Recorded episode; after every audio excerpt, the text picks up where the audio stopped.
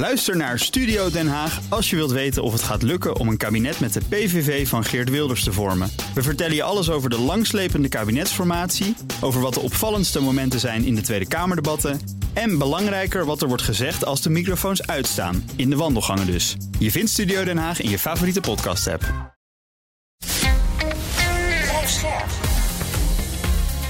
BNR Nieuwsradio. Boekenstein en de Wijk.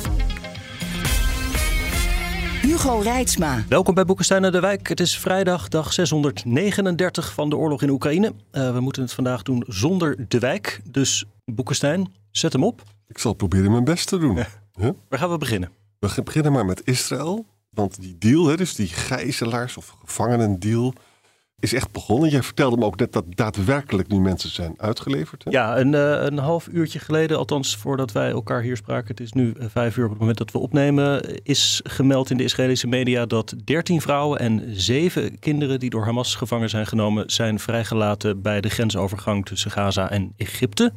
En dat moet dus onderdeel zijn van de grotere deal waarbij is afgesproken hè, dat 150 uh, gevangenen door Israël vrijgelaten zouden worden en Hamas 50 Israëlische gijzelaars. Dat moet over de komende vier dagen, meen ik, is dus het bestand afgesproken, zou dat moeten gebeuren. Naast dat uh, humanitaire hulpgoederen de Gazastrook in mogen. Ja, er zijn allemaal trucks, er rijden nu ook met, met steun. Hoeveel trucks, dat kan ik niet achterhalen. De deal die er is, 50, 150, kan ook nog worden verlengd. En dan kan elke dag bij verlenging kunnen er weer 10 extra mensen vrijkomen. Heel raar soort kwartetten. Ja. Het is ook wel heel cynisch. De oorlog is totaal niet voorbij. En jongens, het is wel belangrijk dat in het verleden zijn er vaak staakt het vuren mislukt hè, tussen Hamas en het IDF. Bijvoorbeeld in 2014, hè, negen keer een staakt het vuren afgesproken gedurende het 51 dagen conflict 2014. Meer dan 2000 doden. Dat is heel vaak dus mislukt. Hè. Maar ook in juni 2008, juni 2009, november 2012, juli 2014, mei 2020. Dus we moeten wel eventjes uitkijken of het ook daadwerkelijk gaat lukken. Het schijnt te gaan om meer dan 30 kinderen uit Israël. En uh, de, de, Israëlische soldaten zijn erop voorbereid dat als ze die kinderen dus dan uh, in hun handen krijgen, dat ze, dat ze hevig getraumatiseerd zullen Mm. zijn. Mm. En uh, dat ze bepaalde zinnetjes ook moeten gebruiken van I'm here to help, I will bring you to Israel, weet je wel. Huh.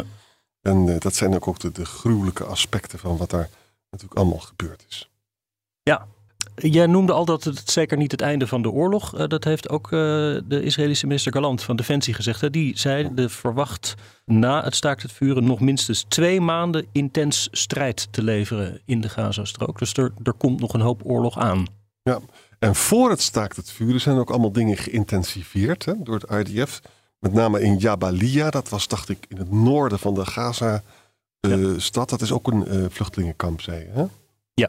En daar zijn... Dat ziet er gewoon uit als een stuk stad, maar ja. dat, dat, was eigenlijk een vluchtelingenkamp. Ja. En dat is omsingeld uh, gistermiddag door de RDF. Er zijn zes tunnels ontdekt. Ook eentje in een moskee. En ook raketlanceerinstallaties gevonden. En bij die operatie zijn meer dan 50 doden gevallen. Hm. Ik zag ook staan, ik meen dat dat ook in Jabalia was, dat donderdag volgens een Palestijnse arts bij een Israëlisch bombardement op een school, uh, wederom van de Verenigde Naties, 27 mensen zijn gedood en 93 gewond. Waarmee het dodental in de Gazastrook zou gaan richting de 15.000. Dat zijn enorme bedragen. En ook voor het staakt het vuren heeft het RDF nog een keer een aan, aanval gedaan op het Indonesische ziekenhuis, waar we zo vaak over gesproken hebben. Hm. In het noorden van Gaza. Eén vrouw dood en drie gewonden. Vermeldenswaard vond ik ook nog het berichtje dat de Israëlische premier Netanyahu zegt de Mossad, dus dat is de, de, de buitenlandse veiligheidsdienst van Israël, te hebben bevolen op te treden tegen Hamas-leiders waar ze ook zijn. Ja, dat hebben ze ook trouwens, dat, dat doet de Mossad altijd. Hè. Die, die hebben hun tentakels echt overal. Die komen wel eens ergens, ja. ja. Maar dus dat is hier wel interessant, omdat bijvoorbeeld het Hamas-leiderschap in uh, Doha zit, in Qatar. Die zullen goed beveiligd moeten worden in dat hotel, maar dat zal ongetwijfeld ook wel gebeuren. Weet je wat ik ook las? Uh, Marokko heeft de laatste jaren, de laatste drie jaren, een beetje toenadering gezocht tot Israël. Hè? En nu, ja. door 7 oktober, zijn er dus heel veel pro-Palestina demonstraties. Hè? Uh, het Israëlische liaison office met in Rabat, dat is gewoon geëvacueerd, is te gevaarlijk. Hm. De vluchten zijn opgeschort sinds 7 oktober tussen Rabat, uh, dus Marokko en Israël. En de Israëlische toeristen die blijven dus nu allemaal weg, zijn bang. Ook de kosher restaurants, je hebt er twaalf, die zijn nu allemaal dicht. Ja, dit is dus de nieuwe wereld. Hè? Dat is, Mhm. dat is de, je ziet dus dat, dat Israël zich verder vervreemdt van die Arabische wereld. En dat gaat niet zomaar weg, dit soort dingen. Nee. En over die nieuwe wereld gesproken, we hadden het voor de uitzending er al even over. Dat dus volgens mij kwam dat via Reuters binnen, hadden die een rondje gebeld langs Europese veiligheidsdiensten. En die waarschuwden voor het toegenomen risico op aanslagen als gevolg van eh, polarisatie door deze oorlog. Ja, we hebben dit in de podcast ook ge- genoemd als mogelijkheid. Ja. Het wordt gezegd door de Britse, de Duitse en de Franse inlichtingendienst. Je moet je voorstellen, in Frankrijk heb je La Maison du Monde Arabe. Die weten Oh, ongelooflijk mooie veel over de islam. En ze weten heel veel van de bestaande lone wolves. Die houden ze dus met, met, met allemaal mannen in de gaten. Hè? Kijk, het is duidelijk dat in die enorme polarisatie... er zullen ook mensen zijn die überhaupt al niet zo groot voorstander van, waren van de Israëlische staat... En die, die, die gaan dan weer bedenken aanslag. Het laatste wat we nu kunnen gebruiken is ook nog eens een keer aanslagen. We waren, er een denken, beetje, ja. we waren er een beetje van verlost. Ook omdat de inlichtingendiensten fantastisch werk afleveren, volgens mij. Hm. Maar ja, dit is natuurlijk waar ze ontzettend bang voor zijn dat dat misgaat. hè? En eh, dat gaat denk ik dus ook gebeuren. Dan wordt de wereld dus nog instabieler van. Nou, zullen we maar eh, vrolijk door naar Oekraïne gaan? Ja, Ja. Eh, ik zie daar van het front genoemd Avdivka weer. Donbass hebben we het veel over gehad. Daar meldt Oekraïne dat Rusland nog steeds aanvalt in van die grote golven. En daarbij enorme verliezen leidt. In totaal melden ze vaak meer dan duizend Russische doden per dag. Avdivka is een soort strategische gelegen stad. Hè. Ligt echt tegen de Donetsk aan, Ja. die- de provinciehoofdstad die door Rusland wordt bezet. In het oosten zit Oekraïne in de verdediging. En onder steeds zwaardere omstandigheden door het invallen van de winter, heeft president Zelensky gezegd. In het zuiden, zegt hij, heeft Oekraïne nog wel het initiatief. Ik zag nog ergens voorbij komen dat in de door Rusland bezette Krim eh, werd gemeld dat een luchtverdedigingssysteem en een radar zijn vernietigd door een aanval met drones. Ehm, ik heb zitten zoeken naar berichten over de Dnipro, waar dus eh, de Oekraïners zijn overgestoken en daar met een operatie bezig zijn, maar niks over kunnen vinden. Heb ik ook niet. wat daar gebeurt. Wat ik wel nog vond is dat eh, de, Rusland is natuurlijk steeds bezig met het ja, met granaten op Gerson. Hè?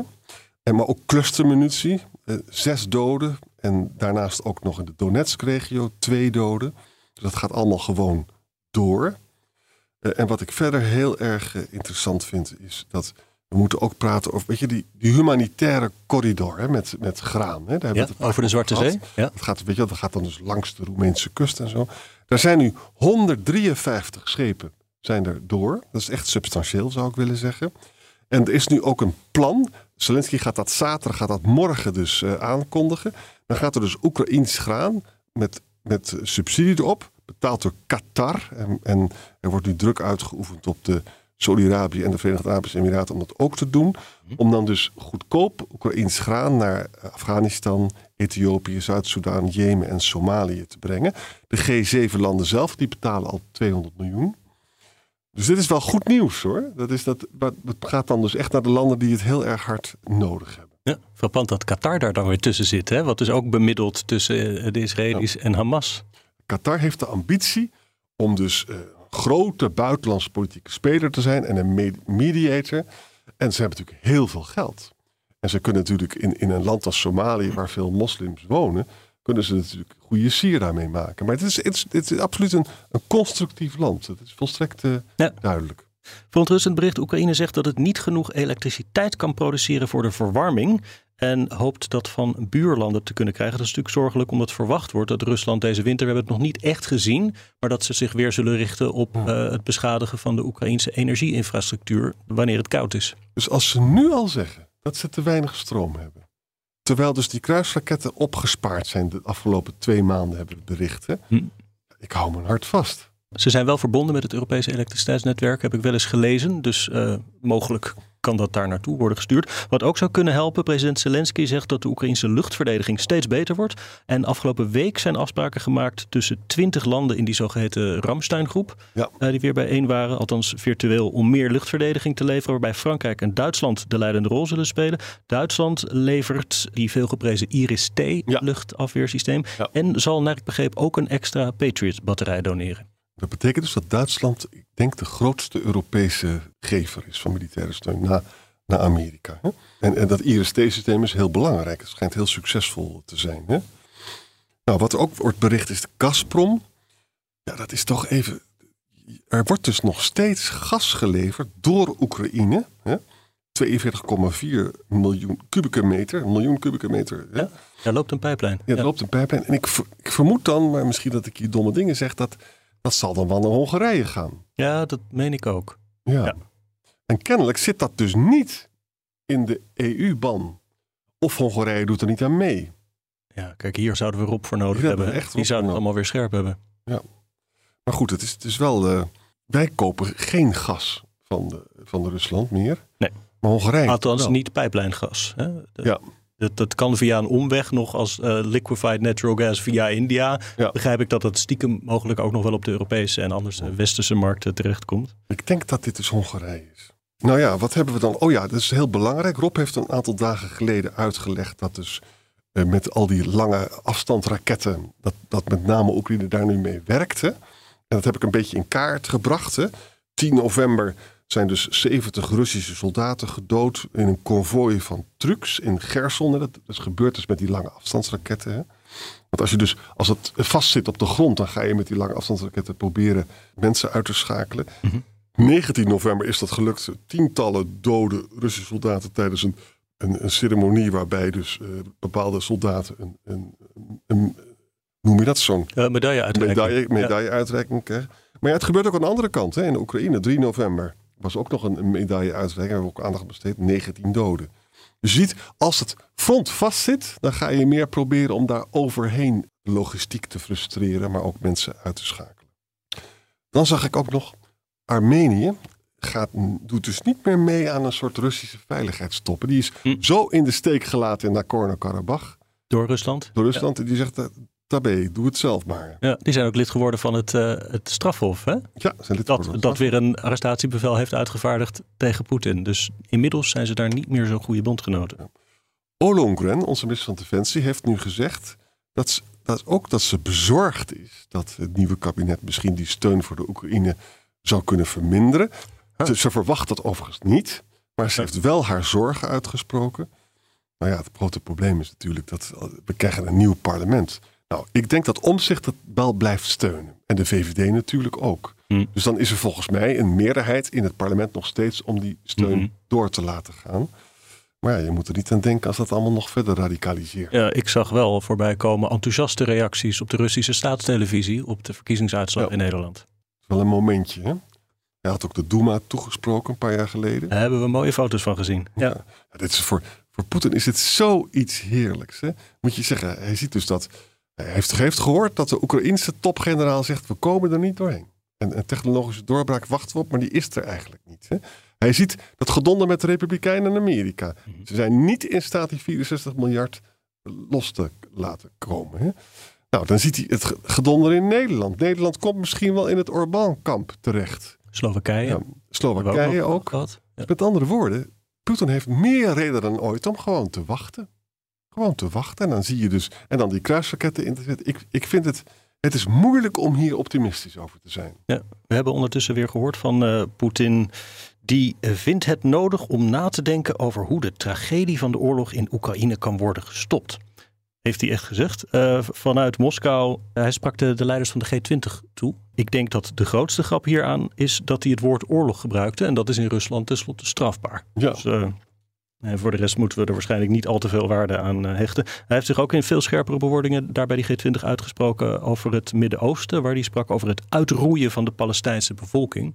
Hij zit heel erg op die tour, Ja. volgens mij vooral om daarmee hypocrisie in het Westen aan te tonen. Dat dan wel eh, Oekraïne steunt tegen Rusland, maar niet de Palestijnen eh, steunt bij Israëlische luchtaanvallen. Dus met name China, maar ook India, Afrika, Latijns-Amerika, maar zeker ook Rusland. Die spelen dus ook de Palestijnse kaart, omdat ze dat dus gebruiken om het Westen nog verder onder druk te zetten. En dat leidt ook de aandacht af van die Oekraïne-oorlog. hè. Nog even terug op het punt wat je noemde. Denk jij nou dat Poetin bereid zou zijn op een gegeven moment te praten? Stel je voor dat hij dat wat hij nu heeft kan behouden, plus de Krim. Niet eens zo'n gekke deal, toch? Nee, Nee, dat. Uh. Ja, hier hebben we nou ook weer op voor nodig. Ja. ik weet het niet. Ik geloof hem in elk geval niet als hij dit soort dingen zegt over tragedies en praten. En nou ja, misschien wel praten, maar dan niet met het doen van concessies aan Oekraïne. Hij heeft in ieder geval de tijd, heeft hij. Net als de Taliban de tijd had, heeft Poetin de tijd. want het, de wereld komt naar hem toe, als het ware. Hè? Treurig, treurig, treurig. Andere dingen? Nou, nog een laatste dingetje van Finland heeft nu alle grensovergangen gesloten behalve één. Ja, helemaal in het noorden. Dat is een heel eind als je heel de grens over wil. En, en, er zijn meer dan 700 migranten hebben hier dus allemaal gebruik eh, van gemaakt. Ja. En dat lijkt een tactiek van uh, Rusland om uh, daar uh, de boel te destabiliseren, zoals dat via Wit-Rusland richting Polen eerder is gedaan. Hè? Daar mensen uit het Midden-Oosten de grens overjagen. Het inzetten van vluchtelingen als een pressiemiddel. Overigens zag ik ergens staan dat Noorwegen en Estland ook zouden overwegen grenzen met Rusland te sluiten. Want die zijn bang dat, dat ze dus door dat, dat dat ook gaat gebeuren.